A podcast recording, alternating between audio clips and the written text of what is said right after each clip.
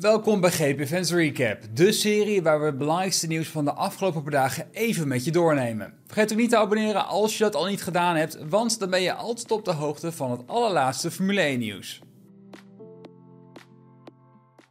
Honda is vanaf 2026 de nieuwe motorleverancier van Aston Martin.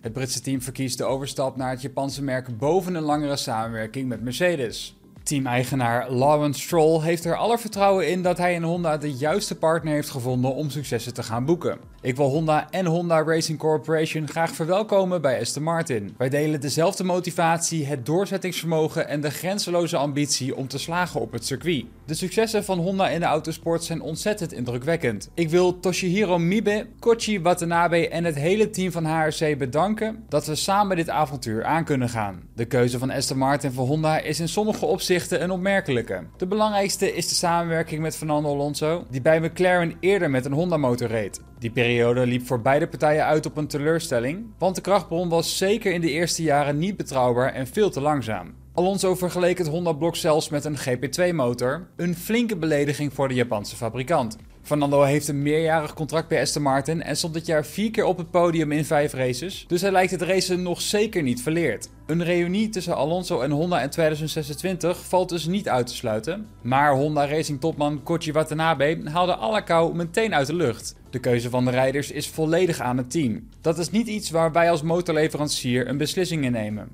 Fernando is een groot coureur, iemand die we respecteren. We hebben er geen bezwaar tegen om meer met hem te werken.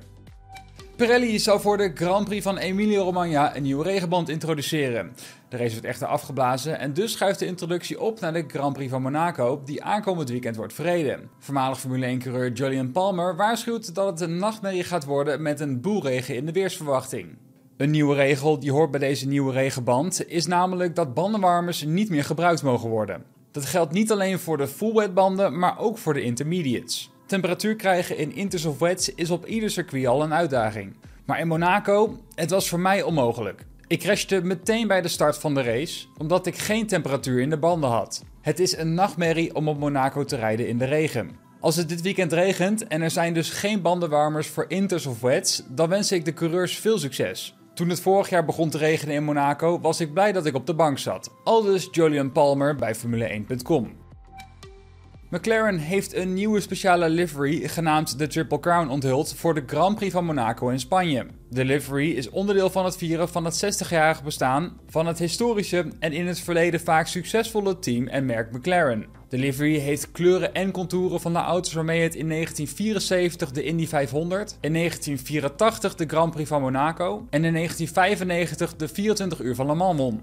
In een persbericht van McLaren laat Lando Norris weten blij te zijn met de livery. Het is een voorrecht om betrokken te zijn bij de viering van de 60ste verjaardag van McLaren Racing en om drie iconische racewinnende McLaren kleuren te combineren tot één voor de Grand Prix van Monaco in 2023. Het wordt een bijzonder moment voor het hele team. McLaren heeft een indrukwekkende staat van dienst in Monte Carlo. En op persoonlijk vlak was het een enorme eer om tijdens de race in 2021 een podiumplaats mee te maken. We zullen hard racen in een geweldig mooie auto om Bruce McLaren en de geweldige nalatenschap van het team te vieren.